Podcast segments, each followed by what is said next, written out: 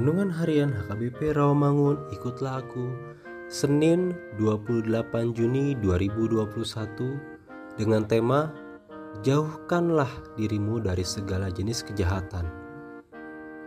Bacaan kita pagi ini tertulis dalam 11 ayat 1 sampai 6 dan bacaan kita malam ini tertulis dalam 2 Korintus 8 ayat 16 sampai 24 dan ayat yang menjadi renungan kita hari ini tertulis dalam 1 Tesalonika 5 ayat 22 yang berbunyi Jauhkanlah dirimu dari segala jenis kejahatan. Demikian firman Tuhan. Supaya kita bisa menang melawan segala kejahatan, kita harus mempersenjatai diri kita dengan pedang roh atau firman Tuhan dan mengenakan ketopang keselamatan yang sudah dianugerahkan bagi kita di dalam Yesus Kristus. Yang namanya perjuangan melawan kuasa kegelapan atau kejahatan itu selalu tidak enak. Dibutuhkan kerja keras dan ketekunan. Itulah yang disebut dengan penyangkalan diri atau bayar harga.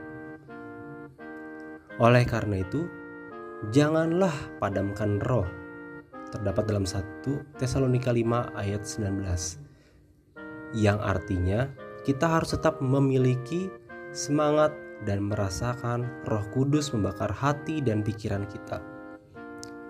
Hal ini berkenaan dengan membuka hati dan pikiran kita untuk dibentuk sehingga hidup kita berubah, yaitu tidak lagi menurut hawa nafsu duniawi dan melakukan segala jenis kejahatan sebagai tanda anak-anak siang. Selama ini kita sering kurang merespon kehadiran Roh Kudus dan cenderung mengabaikan kehadiran Roh Kudus tersebut. Bahkan dapat dikatakan bahwa kita telah memadamkan roh yang ada di dalam diri kita.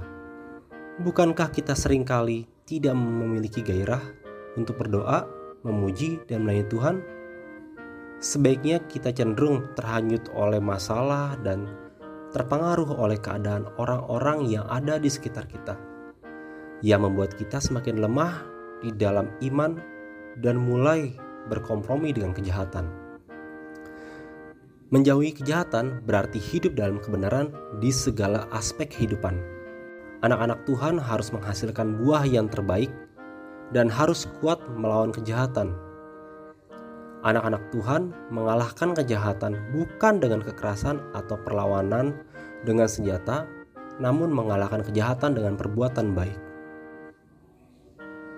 Marilah kita berdoa. Hiduplah penuh dalamku ya Yesus, agar hidupku mampu menjauhi hal-hal yang tidak sesuai dengan keinginanmu. Amin.